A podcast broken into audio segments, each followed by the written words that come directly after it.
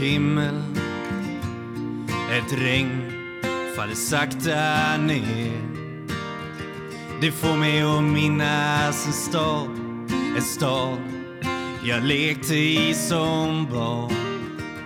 Grågrå människor i svarta, så svarta kläder.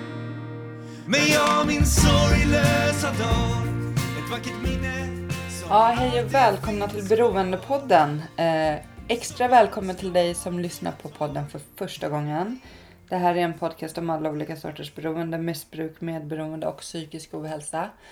Eh, och jag som driver podden är själv en beroende människa och min huvuddrog är alkohol. Jag har varit nykter i snart 10 år. Vill man höra mer om mig kan man lyssna på avsnitt 1. Där drar jag den korta snygga versionen av mitt liv. Och jättevälkommen tillbaka till alla er andra. Jag vill börja med att tacka er som sprider podden på sociala medier, Instagram och Facebook. Det betyder jättemycket att podden sprids. Eh, lyssnar du på podden och känner att du behöver stöd och hjälp så finns det på hemsidan bero- beroendepodden.com en flik som heter hjälp att få. Där finns det lite länkar till olika ställen man kan vända sig. Eh, det går även bra att skriva till mig om man undrar något eller så och eh, mejladressen fin- finns på hemsidan. Vill man stötta podden så står det också på hemsidan hur man gör. Men ett sätt är att anmäla sig till Flatenloppet som är ett löplopp runt Flatensjön den 15 september. Eh, 5,8 kilometer. Gå, jogga eller spring. Man behöver absolut inte springa utan det går jättebra att gå runt. Eh, vi springer för att bryta tystnaden kring beroende, missbruk, medberoende och psykisk ohälsa. Ehm, vill man eh, inte ta sig runt flaten men man ändå vill vara delaktig så går det bra att vara funktionär. Dra iväg ett mejl till mig så skriver jag upp er på funktionärslistan och eh, vi behöver funktionärer. Och ja, jag hoppas verkligen att vi ses. Det blir supernice och eh, jag hoppas att även vi får dit i år igen. Förra året så hade vi Erik Bring där. Musiken ni hör i podden är Erik Bring som står för och nu har han släppt lite nya låtar och han finns på Spotify så in och lyssna på honom. Och som sagt, jag hoppas att vi ser honom på Flatenloppet också. Så. Eh, ja, jag ska inte prata så mycket mer utan släppa in dagens gäst. Och så önskar jag alla er en fortsatt fin vecka. Ba, ba, da, da,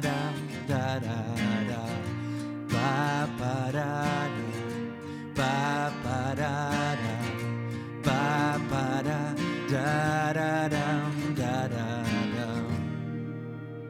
En dyster T-baneperrong Ett liv Ja, hej och välkommen till Beroendepodden Daniel Sundvall. Hej!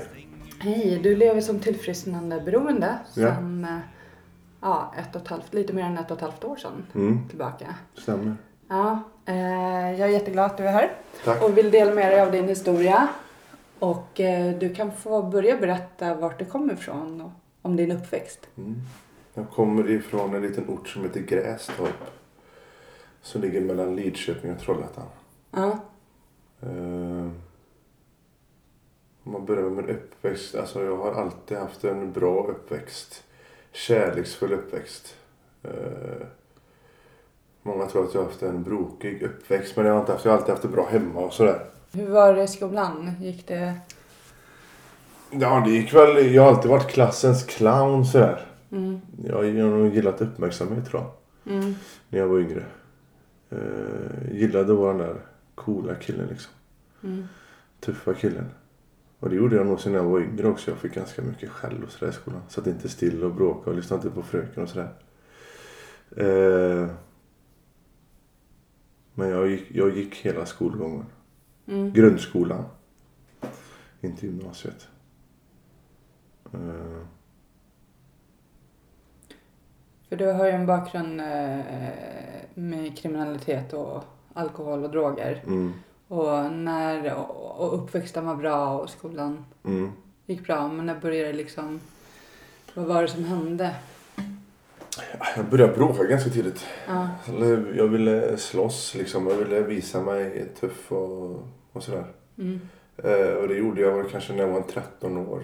Mm. Började. Och då började jag även dricka alkohol. När, Ja, Vad var det? 13. Jag kommer ihåg det kom fram en kompis som sa att jag kan fixa lite öl liksom. mm, Ja, man vill testa. Så jag, jag tror jag drack tre stycken 3 5 halvlitare. mm, Och jag blev ju jättefull alltså. mm. På dem. Så första gången så drack jag så jag spydde och nästan däck av. Eh, och andra gången också. Och tredje gången också. Fjärde gången också. Alltså jag drack tills jag... Alltså jag fick mer smak. När jag drack första gången så mådde jag väldigt bra. Mm. Jag tappade mycket hämningar. Så jag hade inte så mycket hämningar före heller. Inte när det kom till så här bråk och sånt i alla fall. Men då blev jag eh, kung alltså. När jag drack. Mm. Eh, och jag drack alltid kopiöst mycket. Det började från första gången jag drack alltså. Så man typ spydde och däckade och man pissade ner sig. Och alltså det var riktigt destruktivt direkt kände jag. Mm. Eh, men jag tyckte det var gött. Och jag tyckte det var kul ändå liksom. Eh, mina kompisar hade, många, klart vi var unga, vi visste inte hur mycket vi tålde och sådär också men Många drack, drack kanske mer normalt än vad jag gjorde. Jag drack mig redlös varje gång jag drack. Mm. Och så drack jag och stoppade två fingrar i halsen många gånger. För att spy så jag kunde komma hem nykter för jag var ju bara 13 år liksom. Min morsa och farsa fick inte märka någonting. Så då börjar man tidigt. Ja, vid det här tillfället när jag var 13 drack jag ju inte varje dag eller varje helg men det ökades ju på successivt. Så stoppade man två fingrar i halsen och spydde och så tog man ett tuggummi. Och så kunde man gå hem vid åtta eller något så var man nykter igen liksom. Mm. Ehm, Så jag hade en plan. Redan då. Men du märkte inget? I den åldern? Jo, de kom på, jag vet inte vilken ålder de kom på mig men eh, jag vet ju att jag eh, jag spydde ner en hel pizzeria en gång vid ett tillfälle. Mm. Och eh, då fick ju min morsa och farsa hämta mig naturligtvis. Jag sa att jag hade ätit dåliga kakor eller vad de nu sa. Men då fick de hämta mig och då fattade jag att jag hade druckit. Mm. Naturligtvis. Men då var nog kanske lite äldre, kanske jag var 14 eller någonting. Men de visste, de fattade väl att jag drack vissa gånger naturligtvis. Det, det gjorde de. De kom på mig någon gång. Men du sa att du började slåss Ja. i tidig ålder. ja. Vad var det som... Liksom vet varför du började med det? Alltså, var det... Bekräftelse tror jag. Mm. Jag ville vara någon. Jag ville vara farlig. Eh, Så har jag känt det nästan hela mitt liv. Att när folk är rädda för mig, då mår jag bra. Mm. Liksom. Det var min typ av respekt då. Mm. Att vara liksom farlig, eller hela livet har det varit så. Men det var så det började liksom. Jag ville hävda mig på något sätt. Mm. Jag, ville, jag tyckte det var coolt. Om jag liksom slog någon på käften och backade och folk började prata och Daniel är sagt det för han ammade sådär. Eh, så det, så det var, hade mycket med det Sen jag fick en kick också. Jag fick en jättekick av att slåss. Mm. Om jag slog någon så får man ju ett rejält adrenalinpåslag alltså. Och det... Det påslaget är ju jävligt gött. Det kan jag ju tycka än idag när jag tänker tillbaka på det, det själva adrenalinpåslaget. Att det är skönt alltså. Det blir ju som en slags drog det med. Mm. Tänker jag. Ja, men jag har förstått att det, det blir det. Ja. Eh, så det var väl därför då mycket. Dels att jag blev någon. Jag tyckte jag blev häftig. Folk blev rädda för mig. Jag fick bekräftelse. Och eh, själva adrenalinpåslaget.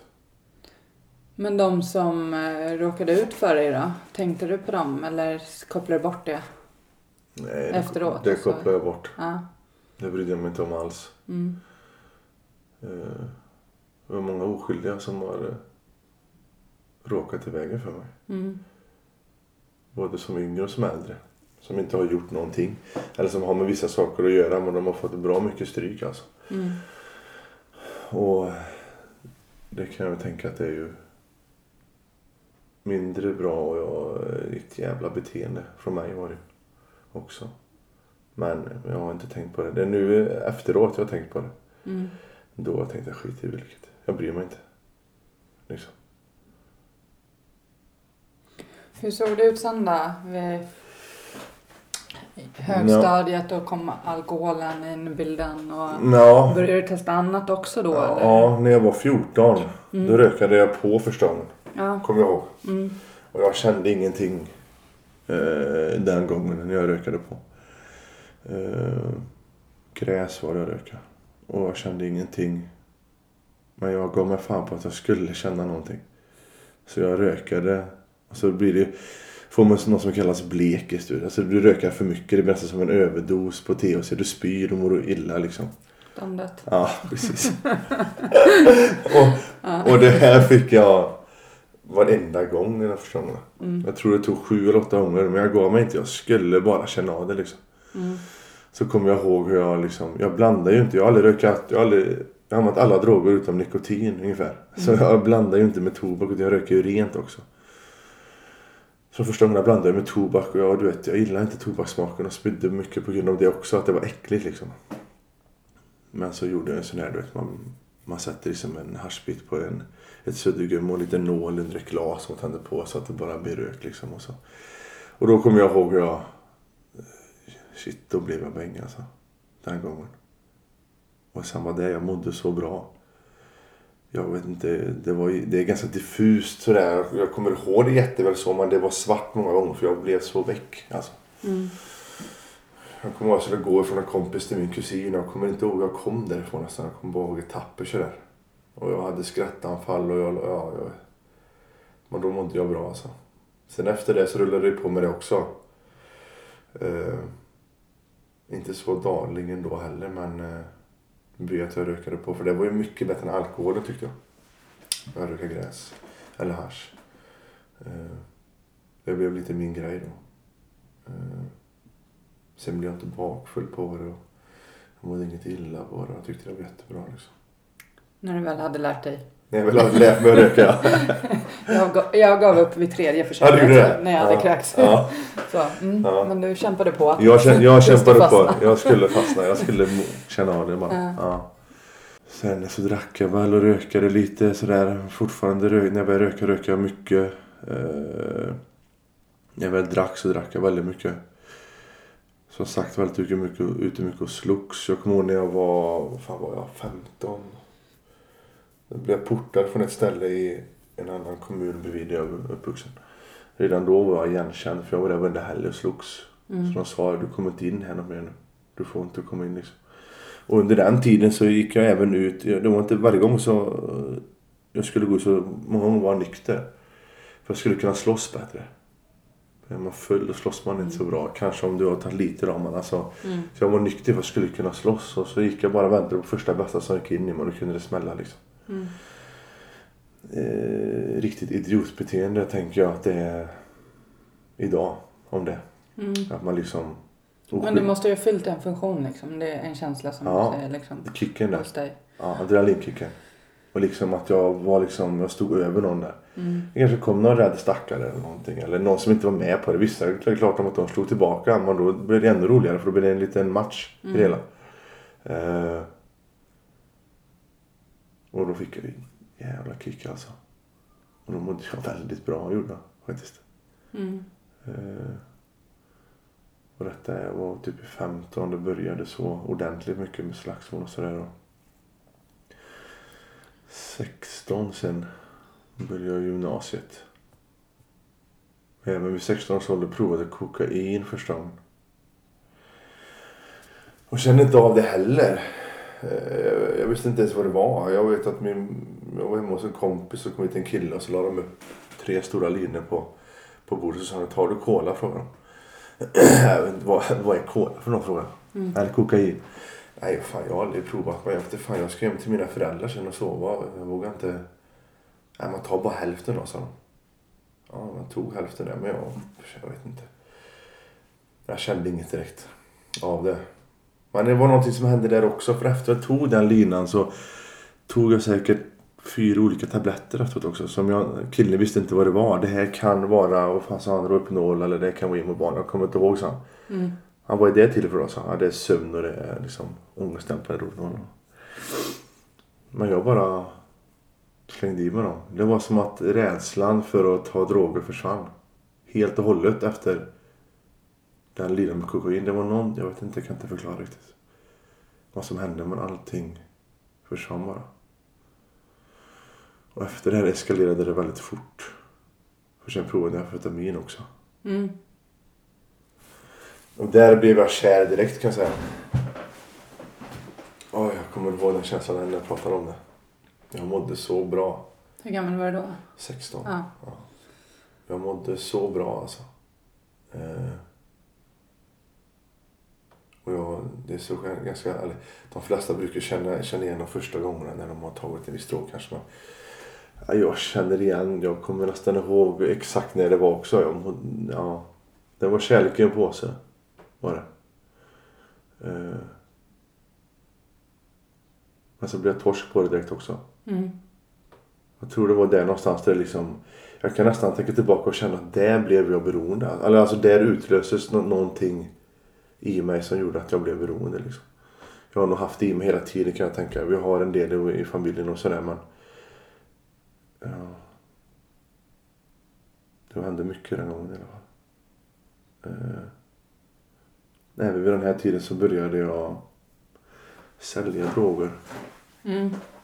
Också samma där, du vet, lite bekräftelse och, och sådär. Jag köpte in små partier med röka och köpte så här fem gram eh, tjack åt gången och sådär. Och så sålde jag det. Eh, bankade ut det och så sålde jag det. Mm. Då kände jag, mer, kände jag mer pengar på det. Det var, det var väldigt bra också, du vet. Det kommer jag ihåg att det var. Och eh, då tjänade jag väldigt mycket pengar på det. Liksom. Då kom jag på att fan, jag kan ju tjäna pengar på det här också. Finansiera mitt missbruk och tjäna lite pengar på det. Mm. Det var ju jättebra. Eh, så vid typ 16 års ålder så gick jag ju runt med 10 000 på fickan liksom. Hade en sedelbunt. Det var också en sån här grej att vi typ, tyckte om att visa upp det här att jag hade en sedelbunt på typ. Om man kommer in på en fest med massa 16-åringar så kommer det in någon med 10 000 på fickan. Då blir det ju så här. Ja, Mm. men det tyckte jag var häftigt. Då. Eh, Låg profil fattade jag inte vad det var. Liksom. Jag ville ju hävda mig. Mm. Jag fick lite sådana här kontakter i Göteborg. Eh, med ett visst supporter, eh, supportgäng. Huligangäng då. Mm. Till ett visst lag. Och, så jag var ofta i Göteborg och jag åkte dit och slogs och knarkade helt enkelt. Mm. Fotboll har jag aldrig varit intresserad av. Aldrig. Men droger och våld var ju min grej liksom. Mm. Eh, Jag kommer ihåg att jag stod på fotbollsmatchen och frågade alla så här, vad, hur lång är en fotbollsmatch? När slutade kommer jag ihåg. Och de kollade på och tänkte, vad fan. Mm. Alltså, nej, jag, bara, jag, vill, jag vill fightas liksom. Det var därför du hade hittat likasinnande. Ja. Du gillade samma sak. Ja, precis. Ja, precis. De gillade Men- fotboll också, det gjorde inte jag. Men, men, men det andra gillade jag. Mm. Eh, och det var typ i 16 också då, så det var samma där. Jag var, var mycket i Göteborg. Och sen sagt, det var mycket annat som var intressant för mig. Och då hade jag även börjat att sälja i större utsträckning. Och när jag var 19 då var jag påverkad av någonting nästan dagligen. Mm. Tjack på helgerna. och Benzo och röka på vardagar. Eller varje dag men jag höll tjacket till typ fredag, lördag, söndag kanske. I början så. Och då var det någon drog hela tiden. Eh, För då flyttade jag även hemifrån också. Mm. På den här tiden. Så då var det nästan mer fritt fram. Men hade de inte märkt något på den tiden? Eller? Jo, Ja. de hade både hittat droger och, och eh, sett mig påverkad också. Ja. Och frågat. Men jag nekar ju. Även om de hittar någonting hemma så nekar jag ju. ja, det är en kompis. ja, det är en kompis ja. Det är en klassiker. Ja. Det är en klassiker. Mm. Eller, eh, ja, ibland kunde jag säga, jag vet inte var det kommer ifrån. Har någon gömt det? Eller du vet, det Mm. sådana här sjuka lögner. Du vet ju hur det är själv när man liksom, man bara blånickar in i döden. Men det är ofta det som du säger, kompis. Nej, jag håller åt en kompis. Det, Mm. ja, det var dumt gjort. Mm. Ja, om man slänger i det, då får ni betala det. Och sådär, du vet, för de gav inte tillbaka det till mig naturligtvis. Då sa de, då får du betala det själv i så fall. Eh, och det var ju här de började få lite problem med mig också. Mer problem. Och blev mer oroliga för mig också, mina föräldrar. För vid den här tidpunkten så brydde jag mig inte mycket Mm. om någon. Eller något. Jo, jag brydde mig själv och mina droger såklart. Eh, och kriminalitet och allt sånt där istället. Eh, för de kunde ju komma hem spontant, bara komma hem till mig. De kunde jag öppna där flöddrade eller påryckta eller då blev jag ju vansinnig och sa du kan inte bara komma hit och du måste ringa först och, och såg de ju på mig men jag nekade ju som vanligt. Nej jag är trött och jag är, ja. Eh, men då, ja, typ 1920 där. Och här började jag även sälja i ganska storskaliga mängder med, med droger. Förut kanske det var typ jag köpte ett kritet krita ett hekto eller sådär. Men här började jag handla med typ eh, flera kilo röka åt gången och sådär. Eh, dock inte lika mycket tjack men jag, vet inte. Men det var ju mer än vad jag gjort förut. Det handlade väl om flera hekton per gång i alla fall. Förut kanske det var man köpte 50 gram och sådär. Så allting eskalerade hela tiden. Eh, hängde också en del i Göteborg fortfarande vid den tiden. Och vi startade faktiskt upp en, eh, en kriminell organisation där. Mm. Ett gäng alltså. Eller tanken var att vi skulle göra det. Vi fixade kläder, vi fixade så här supportklistermärken och vi hade köpt vapen och alltså allting sånt där. Vad var tanken att ni skulle göra med sen då? Ja, vi skulle eh, satsa på med indrivning och knarkförsäljning. Bara. Och vi skulle hålla oss till ett visst gäng. Mm. Jag nämner inte vilket men eh, till ett visst gäng större som är ett av de största i, i Sverige. Då. Mm. Men eh, för, för man kan inte bara gå rakt in så och, och tro att man ska ta över någon marknad utan man måste liksom vara vänner med någon liksom. Var du inte rädd när du höll på med de här sakerna? eh, För att man får väl eh, en del ovänner också? Ja. Eh, jag tänkte inte mycket alltså. Jag var ganska orädd i den åldern. Mm. Jag var inte så nojig. Eh, faktiskt. Det är klart när jag gick runt där med, när vi gick runt där med våra tröjor i Göteborg och så här, tänkte man fan om du vet om det händer något här nu. Alltså, så, så det är liksom, man, jag var inte rädd så. Jag var för dum för det. Jag var för, jag vet inte. Men jag var, jag var ganska, även när jag inte var påverkad, har jag varit ganska orädd faktiskt. Eh, jag tänkte inte mycket. Mm. Jag tänkte inte långt alls. Jag vet ju att det kunde ju hända mig liksom. Det är nu efteråt, så här efteråt, så har jag tänkt vad fan höll jag på med egentligen? Någon kan ju kommit och knäppt mig lika gärna som jag hade kunnat skjuta någon annan liksom. Mm. Eller, vad, eller vad man nu gör, eller man får Mm. riktigt mycket stryk eller, eller vet sådär. Eh, så jag var inte så rädd. Men eh, jag var rädd när jag skulle till Göteborg sen. För då hade jag jag hade, jag hade sålt ett vapen till en person. Det var speciell ammunition till det här vapnet. Vet jag. Och sa till den här killen som jag gav den här till och sa att nu får du säga till din kompis att det är speciell ammunition här så inte han tror att jag försöker blåsa han eller någonting. Och det skulle vara ett möte med hela- den här gruppen i Göteborg. Jag kommer inte ihåg vad det var. Gårdsten eller någon sån här riktig förort liksom. Mm. Så jag åkte dit, kommer in i lägenheten. Jag är helt ensam. Och sitter där typ åtta pers i soffan. Den här killen som skulle köpa det här vapnet av mig plus de här andra i, i eh, vårat gäng då. Och den här killen som skulle köpa vapnet han var- han var ganska så eh, ganska högt uppsatt i hierarkin om man säger i drogförsäljning sådär. Så jag kommer in där och känner en trygg stämning där liksom. Jag känner såhär, fan vad är det här nu? Vad, vad händer? Och den här pistolen ligger på bordet där och jag tänker, fan vad är detta? Så säger han det att ammunitionen passar inte. Passar inte med. Och då tänkte jag, fan. Då blev jag nervös för tänkte jag, vad fan ska jag, nej. Jag sa till honom man har inte han sagt till dig att du, du måste ha speciell ammunition till det här. Du kan inte ha vanlig liksom, 9 mm, du måste ha, jag kommer inte ihåg vad de hette men de var en gammal modell sådär. Och det trodde jag att nu jävlar, nu, nu tror ju han att jag, för de andra var ju jätterädda för den här killen också. De sa inte ett ord liksom. Och då var jag rädd. Helt ensam, långt ute i Gårdsten. I någon lägenhet någonstans. Jag hade ingen aning vart jag var nästan. Mm. Och tänkte nu kommer det hända något liksom. Men det slutade med att eh, han övertalade om att jag inte skulle få vara med i det här gänget längre. Och då sa jag det. Då sa jag det. Fan jag har fixat kläder, jag har fixat hemsida och jag fixat så mycket grejer. Vad fan driver ni med mig eller? Jag sa ju till liksom att ni skulle... Nej, men då fick jag, jag fick inte vara med mer då liksom. Men då, då var jag rädd. Mm. Eh, då var jag jävligt nojig. För då tänkte jag, vad fan händer här? Vad gör de med mig nu? Liksom. För han trodde jag skulle blåsa han. Men jag sa till honom också att jag skulle väl kommit hit om jag skulle försöka blåsa det liksom. Men jag fick ta med den här grejen hem och så... Ja, men då var jag rädd. Ja, Mm. fan det var. Eh, Alltså det löstes ju upp. Själva den, jag vet inte hur länge det levde kvar i det gänget och sådär men jag fick inte vara med mer och då blev jag jävligt bitter också eftersom att jag hade hjälpt till så mycket och gjort så mycket liksom. Mm. Eh, det var en vision för mig det här också. Vi skulle ju bli liksom stora och, och farliga och sådär. Men då, då sökte jag mig till ett annat gäng. Eh, ja, ett utav dem jag inte vill nämna då. Mm. Och liksom ville gå med där. Som tur är så gick jag aldrig med där.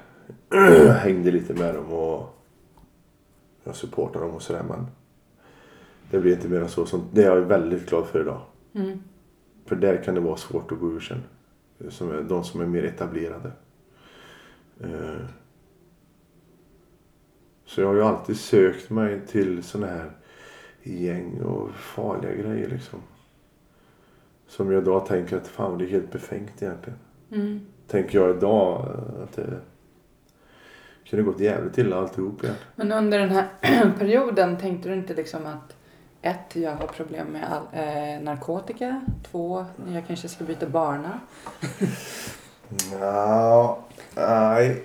Inte den... eh, Ja, jag kallar mig en jävla pundare, knarkare gjorde jag. Mm. Men jag fattade nog inte att jag var torsk liksom. Att jag var beroende. Jag tror inte jag fattade det då. Mm. För jag lurar ju mig själv hela tiden. Jag kom- Jag kommer så väl ihåg när jag sitter hos en, hos en vän så han ja fan jag var drogfri nu i tre veckor. Jag hade inte tagit amfetamin på tre veckor. Nej. Men jag käkat benzo och rökat hela tiden. Mm. Men då hade jag inte tagit, då hade jag inte knarkat på tre veckor. Mm. Så det var såhär, "Uff, jag kan ju det här. Jag kan ju hålla mig ifrån det liksom. Mm. Jag lurar mig själv. Manipulerar mig själv och helt jätteoärlig mot mig själv. Men jag trodde inte att jag var beroende då. Mm. Inte då. Eh, Var det? det kom nog upp mycket senare för mig att jag var det. För vid kanske 20, hur gammal kan jag ha varit? Om jag var 22 års ålder. Då åkte jag fast med ett och ett halvt kilo hasch och eh, ganska mycket benzo och vapenbrott. Mm. Och jag skulle få två års fängelse men jag fick ett och ett halvt års kontraktsvård. Men inte ens då på behandlingshemmet. Första månaden så var det jättebra. Två, eller första två månader. Då var jag jävligt taggad till att nej, jag ska sluta med den här skiten alltså. Jag orkar inte mer. Men det var typ två månader. Sen började jag knarka på behandlingshemmet. Mm. Då var det här vevan Spice kom också. Mm. Ja. De här rökmixarna syntes ju inte på pisseprov. Så, så fick jag lyrika utskrivet på behandlingshemmet. Också helt befängt. Där man kan dela ut lyrika där, för det är ju högst sinnesfrämmande. Mm. Och alla gick ju åt det på behandlingshemmet. Eh. Så när man medicinerar då sparar man ju varje tablett.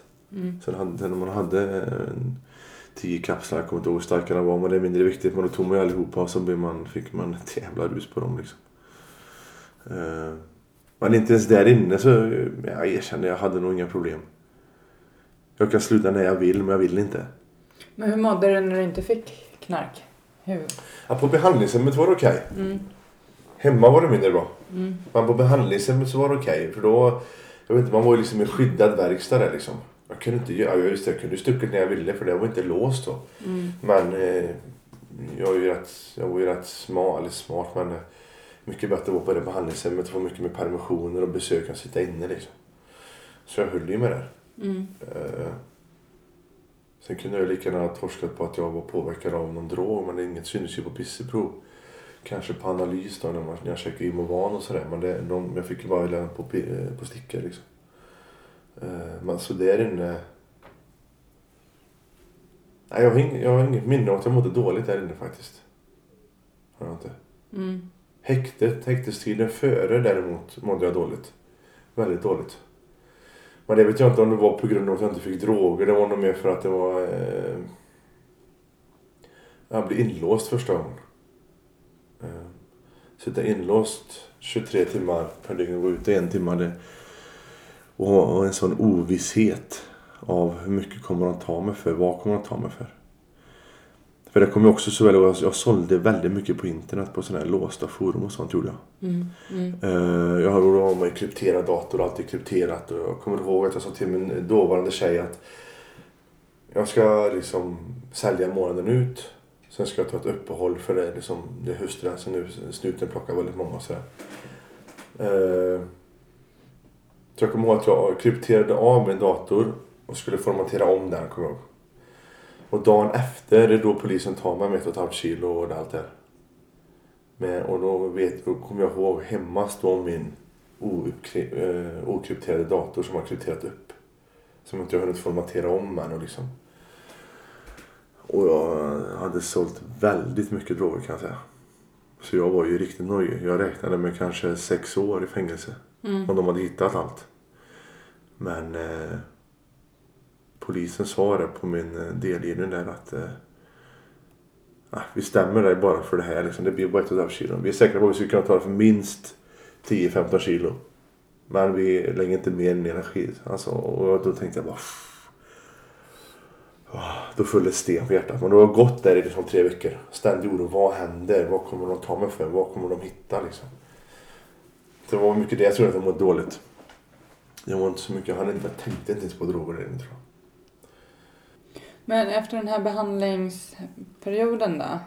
Um, vad, vad hände då? För då fortsätter du din bana med kriminalitet och droger. Och, Ja. Eh, ja, jag kommer ut. Jag tror inte jag tar amfetamin på kanske... Jag mådde så... Jag har inte tagit så mycket eh, amfetamin så när jag tog det så mådde det var som att snorta i sig en A-tändning liksom. mm. Varenda gång jag tog det. Jag mådde så dåligt. Eh, däremot något jag blev väldigt torsk på det var det Spice eller olika såna här lagliga rökmixar. Mm. Eh, så där röker jag väldigt mycket. Sålde mycket sånt också. Jag köpte hem rent pulver. Eh, och så blandar man ut det med någon, någon, någon liksom rökelse. Mm.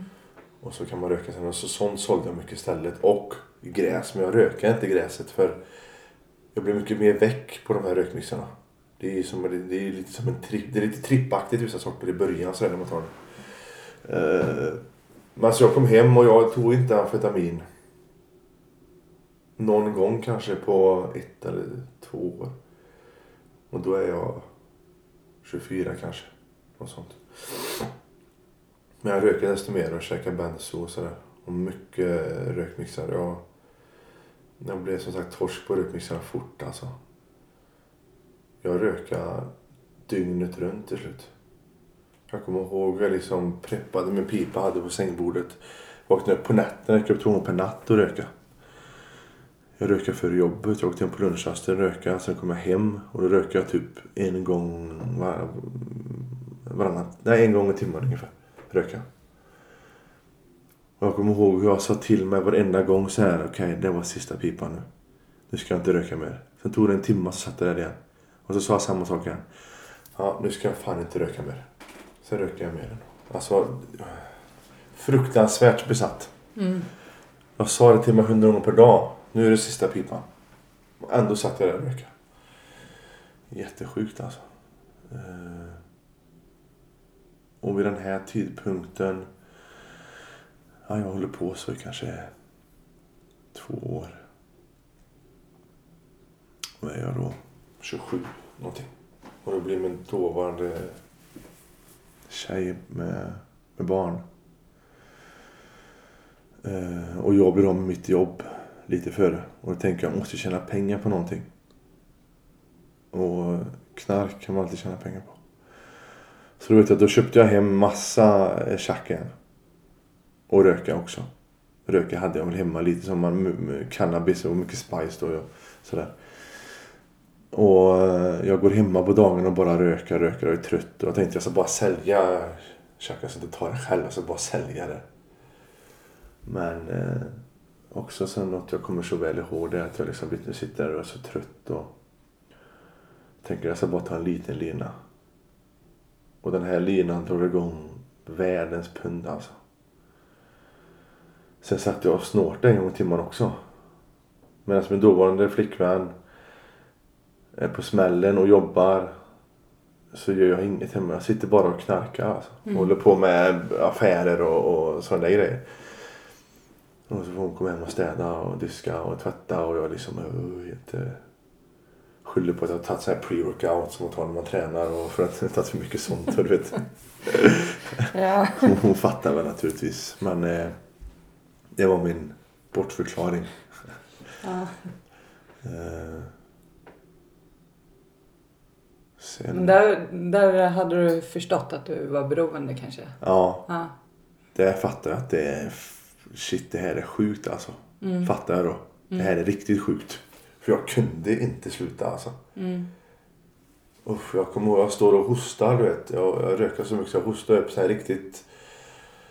Alltså mitt slim det var alltså kolsvart liksom. Mm. Och jag liksom hostade så jag spydde nästan efter varenda gång jag, jag röka. Och tänkte det här är inte bra alltså. Jag ska inte röka något mer. Mm. Nu är det slut. Men det gick inte. Gick, jag kunde inte sluta bara. Jag lovar mig själv, jag lovar min dåliga flickvän, jag ska, nu är det slut. Jag Mm. lovar. Och då, just i det, vid den tidpunkten jag lovade, då var jag bestämd alltså. Jag skulle sluta. Men det gick inte. Det var liksom, jag hade djävulen i mig. Mm. Liksom jaget i mig själv. Min, min Daniel, han var så liten alltså, och beroendejaget var så sjukt stort alltså. Han tagit över hela mig. Mm. Eh, så där mådde jag inte bra. Hur då? Inte. Och det var ju någonstans vid den här tidpunkten där jag liksom, morsan och farsan sa fan du måste ju sluta nu. För mig, det- de, de ringde till mina föräldrar, jag satt där hemma helt väck och ni får komma hit och fan prata med honom. Det måste ju göra någonting här så det funkar inte det. Mm. Och då sa jag, ja fan jag... eh, Jag kommer ihåg att i början så sa jag att jag måste sluta på grund av att jag ska få ett barn. Jag kan inte hålla på så här, det går inte. Och då eh, vet jag att jag gick hos SOS också och pratade. Och då sa de, eh, morsan hade kollat upp det också, anonyma narkomaner hade de kollat upp det, 12 steg. Och det sa de på SOS också. Så jag började gå på de mötena då. Eh, och kommer dit och går på några möten. Och jag går, åker hem och knarkar, går på möten, åker hem och knarkar, går på möten. Kommer dit, frågar igen. Vad fan ska jag göra? Jag måste bli drogfri här nu. Vad ska jag göra? Och då säger människor där liksom att eh, skaffa en sponsor, gör stegen, gå på möten. Ah, vad fan. Nej, det räcker väl bara att gå på möten liksom. Jag behöver väl inte skaffa sponsor och göra stegen. Tänkte jag. Mm. Det är också sån där sjukt. Här kommer jag liksom. Ja, det är en klassiker, många gör det naturligtvis. Man har inte viljan där riktigt. Mm. Man kommer dit, man ber om hjälp. De säger precis vad du behöver göra, men ändå ska man ta en egen väg. Mm. Jag visste ju att det bara, funkar inte bara med möten, för jag knarkar ändå. Men ändå så, äh, jag, jag klarar det nog själv ändå liksom. Uh, men det gick inte alls. Eh, och sen, sen slut, nej, jag gick ju på möten nästan hela tiden men jag knarkade väldigt mycket ändå liksom. Sen kommer jag ihåg hur jag krockar min, eh, jag krockar min fjärde bil. På grund, nej, tredje bil. På grund av att jag är så påverkad. Och, ja, det kunde det gått väldigt illa. Eh, och då går jag även hos en drogterapeut i Lidköping. Mm. Som har hjälpt mig väldigt mycket. Han är också en, eh, han är en tillfrisknande beroende också. Då, så. Jag kommer ihåg, jag kommer dit, vi har bokat ett möte, jag kommer dit, jag är påverkad. Och säger att fan, jag nu har jag krockat en bil till liksom. Vad fan hände? Det... Han sa, du är påverkad nu, sa han. Ja, det är jag. du måste, du klarar inte det själv, du behöver in på behandlingshem, sa han. Eh. Du måste in fort. För det var så jävla destruktivt. Så jag... Eh, jag fick jag betala det själv faktiskt.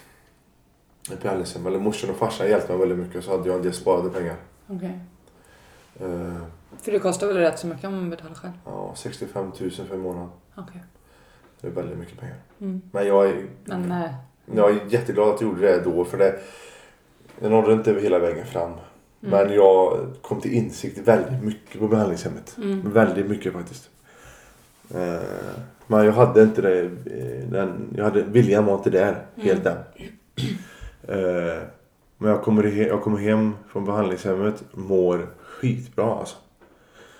Jag satt på ett möte när jag var på behandlingshemmet. eh, Folk pratade om andlig upplevelse. Mm. Och jag kan säga att det fick jag där alltså på det mötet. Jag log i två månader efter det. Den här känslan jag fick. Jag kan inte förklara men det var någonting som kom över mig på mötet. Det var som att någon kraft liksom bara... Ja. En jävla häftig upplevelse. Jag kan inte förklara hur det kändes men det... De som har känt det, de har känt det. De har säkert också känt Ja. det. Ja. eh... Och efter det så log jag bara. Jag bara skrattade. De frågade mig på bussen hem när jag åkte. Bara, Vad är det med dig eller? Och jag får komma ihåg jag log bara och sa jag mår så jävla bra. Det hände någonting där inne. Mm. Det hände någonting, något stort där inne liksom. Eh, Förstod du att det var en sjukdom också då? I... ja, det har jag nog, det hade jag nog. Ja, det köpte jag fort. Mm. Att det var en sjukdom. Faktiskt. Gjorde jag. jag. Det har jag aldrig haft svårt att erkänna det tror jag. Att det varit en sjukdom så.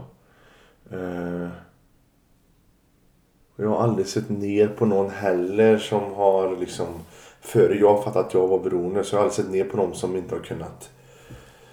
Jag kunde inte heller hantera droger men jag trodde ju det. Men jag såg inte aldrig ner på någon som sa att han har ingen karaktär eller något sånt där. Utan jag, jag har nog alltid fattat det. Sen jag fick det förklarat för mig alltså. Så har jag alltid fattat det. Uh, vart var jag någonstans? Du åkte hem från... Just det, från behandlingshemmet ja. Jag mådde jättebra. Och min första son eh, föddes en vecka efter behandlingshemmet. Och det var också en jävligt stor grej alltså. Jävligt coolt. Eh, och under den här tiden så går jag även på eh, eftervård. Nej, jag började en eh, tolvstegsbehandling på Elitköping också. På min typ hemort där jag bodde just då. Eh, en sån här ja, öppenvårds tolvstegsbehandling. Och då kommer jag så väl ihåg att jag sitter på den här. Vad är det du är mest rädd för? Frågade min terapeut mig. Jag sa det, jag hoppas inte att jag blir så sjuk så jag tror jag är frisk. Kommer jag ihåg att jag sa. Men det blev jag. För jag slutade gå på möten och jag tappade allt. För jag mådde så bra. Jag trodde jag var frisk. Mm. Jag trodde att nu är det lugnt. Nu kan jag nog ta lite. Ja, det kunde jag inte. Utan jag... Vad började du med? Alkohol eller var det Inte på- alkohol. Oj, vilken drog kan det vara att jag tog först? Det var nog, det var nog amfetamin tror jag. Och du tänkte att du kan ta lite? Ja, Och vad hände då? jag tog mycket. Ja. Ja, väldigt mycket. Mm. Eh, jag kommer inte ihåg hur lång tid, eller jag, vet inte, jag kallar det inte återfall, jag kallar det återgång för jag hade inte tillfrisknat. Jag tänker så att man, man har inte tagit återfall förrän man har tillfrisknat och sen tar den drogen. Mm. Utan jag tänker att det är som det, jag bara återgick i missbruk, jag var fortfarande sjuk i skallen liksom. Tänkte på droger, tänkte på kriminalitet och allt sånt där. Mm. Eh, så jag... Jag vet inte hur länge det höll i sig kanske men... Eh, några dagar kanske. Sen bröt jag nog. Men jag fortfarande under den tiden. Jag hade tänkt att jag skulle... Jag kommer ihåg att det var typ en... Jag frågade på kan inte jag bara få en 05 Jag ska bara ta den 05 Jag ska dela upp den i två delar. Ta bara 0,25 0,25. Men den hela drog jag ju på en gång och sen så ringde jag efter mig såklart. För det gick inte. Jag mådde dåligt också. Jävligt dåligt när jag tog det. Men ändå skulle jag ha mer. Jag kunde ju må bättre nästan. Det kunde ju funka. Men det gjorde det inte. Jag mådde ju bara dåligt. Liksom. Jag blev nojig och fan nu ska jag hem och fan de kanske ser på mig och allt sånt där. Eh. Och vid den här tiden så öppnade jag även en butik då. Startade ett eget företag Mm. i eh, Lidköping. en träningsbutik där då med kosttillskott och personlig träning och sådär. Och jag går på mina möten och jag, jag håller mig drogfri alltså under längre perioder nu. Ja. Mm. Mellan tre och sex månader varje gång hö- höll jag mig inne liksom tog något återfall på någon slags drog. Jag drack inte, eh, gjorde jag aldrig. Men, jo, det gjorde jag visst det. Vid vissa tillfällen. Men ofta var det ju att jag rökade eller eh, tog eh, benzo eller tjack. Något utav det. Eh, och jag håller på sådär i, går på möten. Men då är det fortfarande NA jag går på. Något AA hade jag väl gått på tror jag. Eh, jag håller på så i, vad kan det vara? Tre år kanske. Och då tänker jag att fan, jag måste ju ha... Jag har alltid trott att jag har någon diagnos, typ ADD till exempel. Klassiker också. Eh, så jag tänker jag måste göra en utredning för det här. Eh, så jag går en utredning. Får såklart diagnosen ADD. Eh, och får såklart medicin utskrivet för detta. Jag sa till min läkare att jag är beroende. Jag har den här sjukdomen. Eh, jag kan testa och ta de här. Jag visste ju innerst inne att jag kan inte ta de här medicinerna. Mm. Liksom Elvanser, det är ju det är amfetamin jag får utskrivet. Mm. Men jag visste att jag kan inte ta det. Men jag, då, redan då var jag ju inne i en återfallsprocess för länge sedan. I början tänkte jag att jag vill ha medicin för att jag får lite kontroll på mina tankar. Sen blev det att de ändrade sig till att ja, jag kanske kan få lite rus på de här också. På den dosen jag tar. Så här. Det kan ju vara gött. Mm. Eh, så jag eh, testar först Stratera. Som inte är sinnesfrämmande. Eh, den äter jag i två dagar. Jag ska äta den i två veckor. Sen säger jag att jag får eh, självmordstankar och jag mår inte bra på den. För jag ville få Concerta. Mm. Börjar med Concerta. Mår skitdåligt.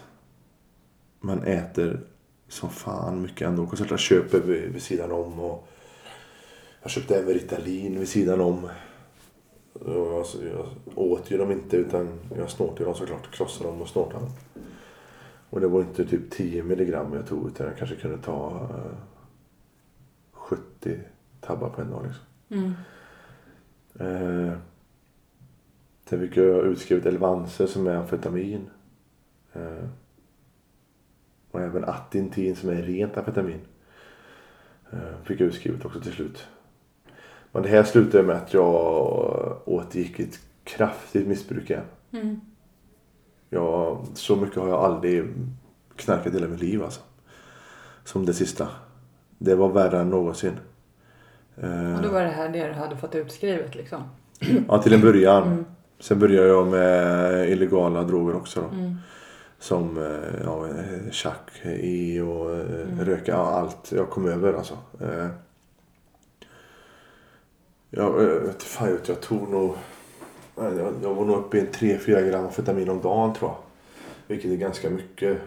Och eh, ecstasy på det och opiater på det och benzo på det och röka på det. Och jag åt eh, lyckopiller också i hopp om att det kanske kunde hända någonting. Ja men du vet. Mm.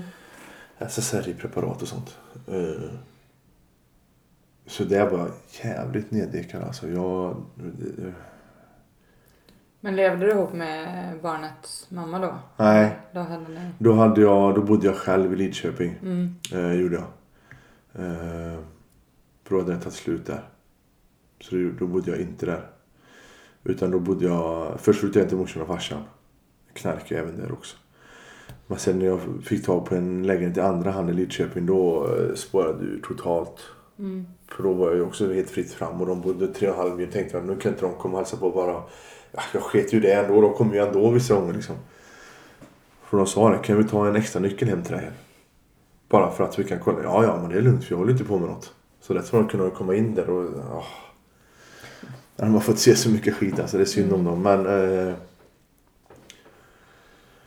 och... Här mår jag riktigt jävla dåligt alltså. Eh, riktigt dåligt. Försöker sköta jobb och sånt där och visst jag sköter väl. Nej jag sköter inte men jag är kanske där i alla fall. Då. Det är inte så jävla snyggt att stå i en butik. Så som jag såg ut kan jag säga. Mm. För jag kommer inte ihåg att kunderna varit inne och dömt av möten och... Ah, shit vilken ångest jag haft över det. Eh, Och det här förde med sig mycket annat våld också. Då började jag att jag hade inte varit sån här mycket, hållit på mycket med våld eller slagsmål eller sånt heller på ganska många år. Utan hållit en mer lägre profil. Visst om de skyller mig pengar så är det klart att jag måste åka hem mina pengar. Mm. Men eh, nu ballade du med det också. Liksom. Eh, inga hämningar alls alltså. Eh, så jag gjorde mycket jävla eh, dumma grejer som jag kan ångra idag. Eh, mest är det väl och mycket ångest mot, mot mina barn. Och, och sådär, speciellt mina barn. Hur gamla är de idag? Eh, lite över tre och fem är de. Eh, jag kommer så väl ihåg hur barnens morsa ringer till mig. För jag, jag fick ju inte träffa barnen såklart och det fattar jag men jag kunde inte träffa dem. Jag har alltid funnits där för barnen förut med, med enstaka återfall om de har tagit. Som har i sig mellan eh, tre och sju dagar de återfall jag har tagit och före det här. Eh, så, men, alltså, jag har alltid funnits där för mina barn och jag vet att jag har varit en bra farsa på det sättet. Men det sista här var ingen bra pappa kan jag säga. För då, då sket jag i allt alltså.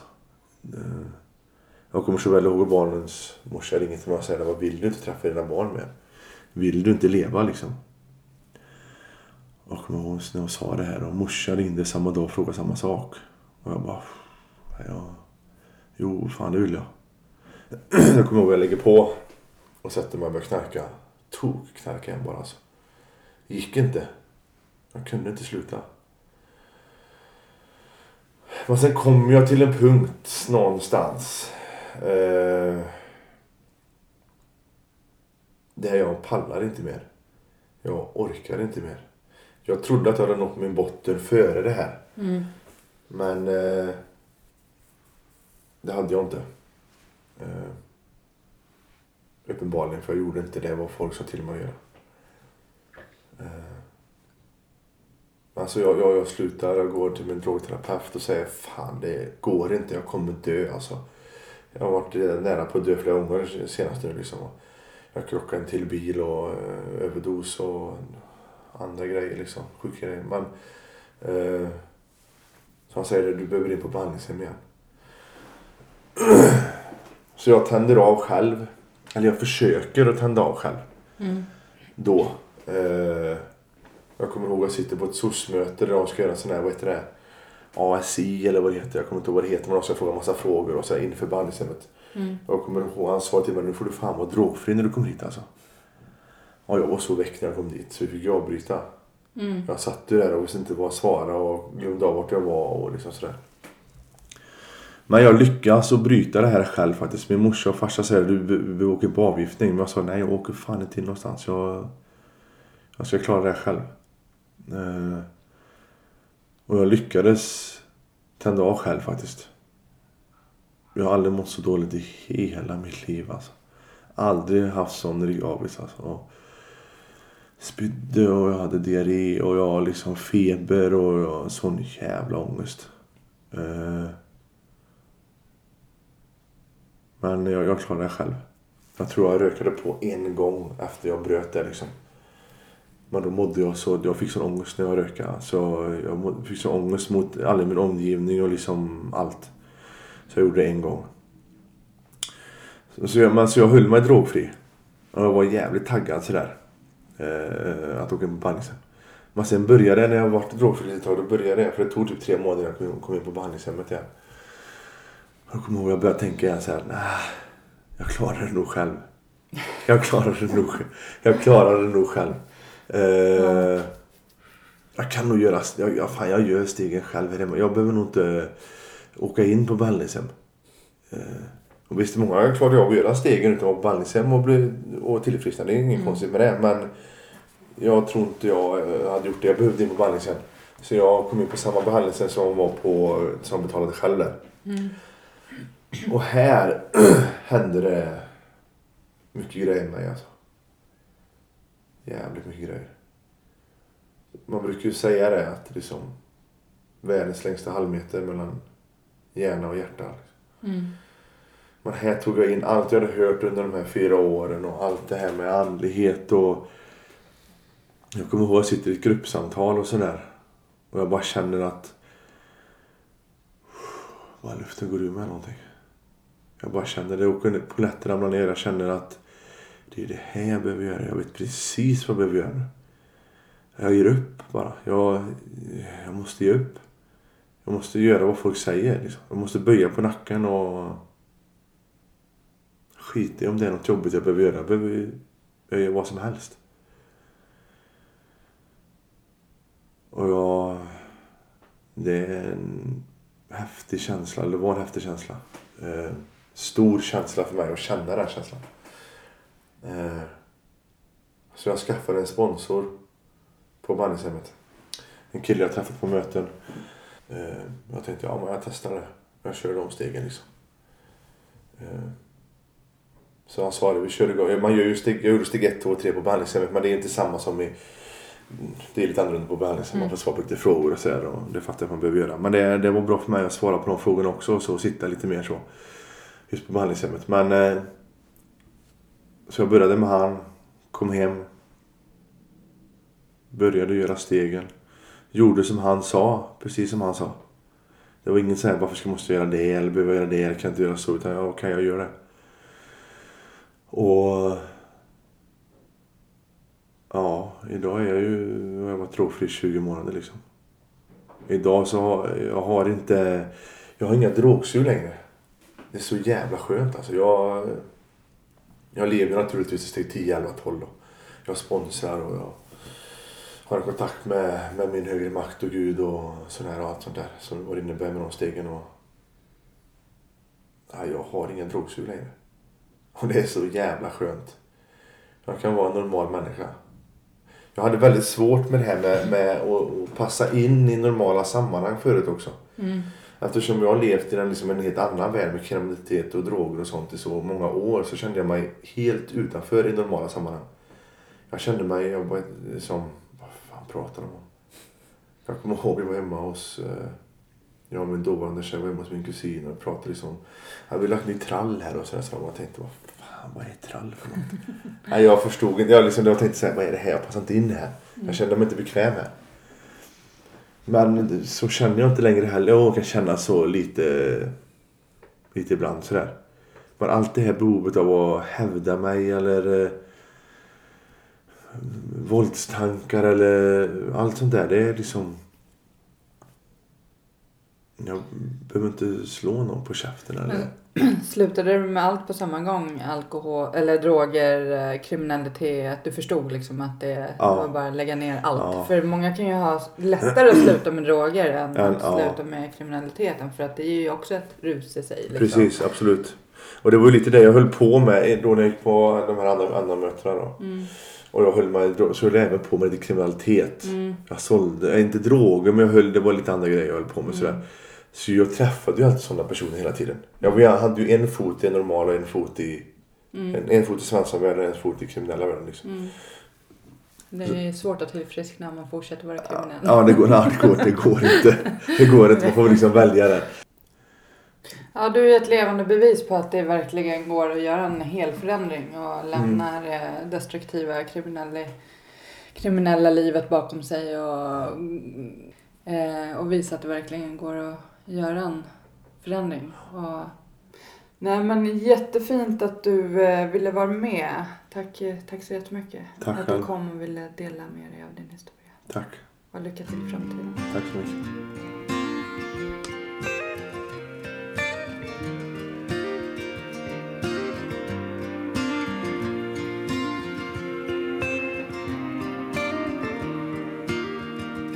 Mörk himmel ett regn faller sakta ner. Det får mig att minnas en stad, en stad jag lekte i som barn. Grågrå människor i svarta, så svarta kläder. Men jag min sorglösa dag Ett vackert minne som alltid finns kvar. Stockholms gator och torg Ett liv så långt ifrån sorg ba, ba, da, da. Ba, ba, da, da. Ba, ba, da. da da da da da da ba ba da da ba ba da da ba ba da da da da da dyster typ T-baneperrong Ett liv inrutat i betong. Stäng ut det andra med musik.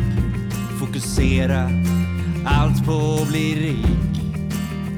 Här finns en dyster atmosfär. Ett liv kretsat kring karriär. Men jag min sorglösa dag. Ett vackert minne som alltid finns kvar. Stockholms gator och torg Ett liv så långt ifrån sorg. Ba ba da da. Ba ba da da. Ba ba da da da da. Da da da. Ba ba da da. Ba ba da da.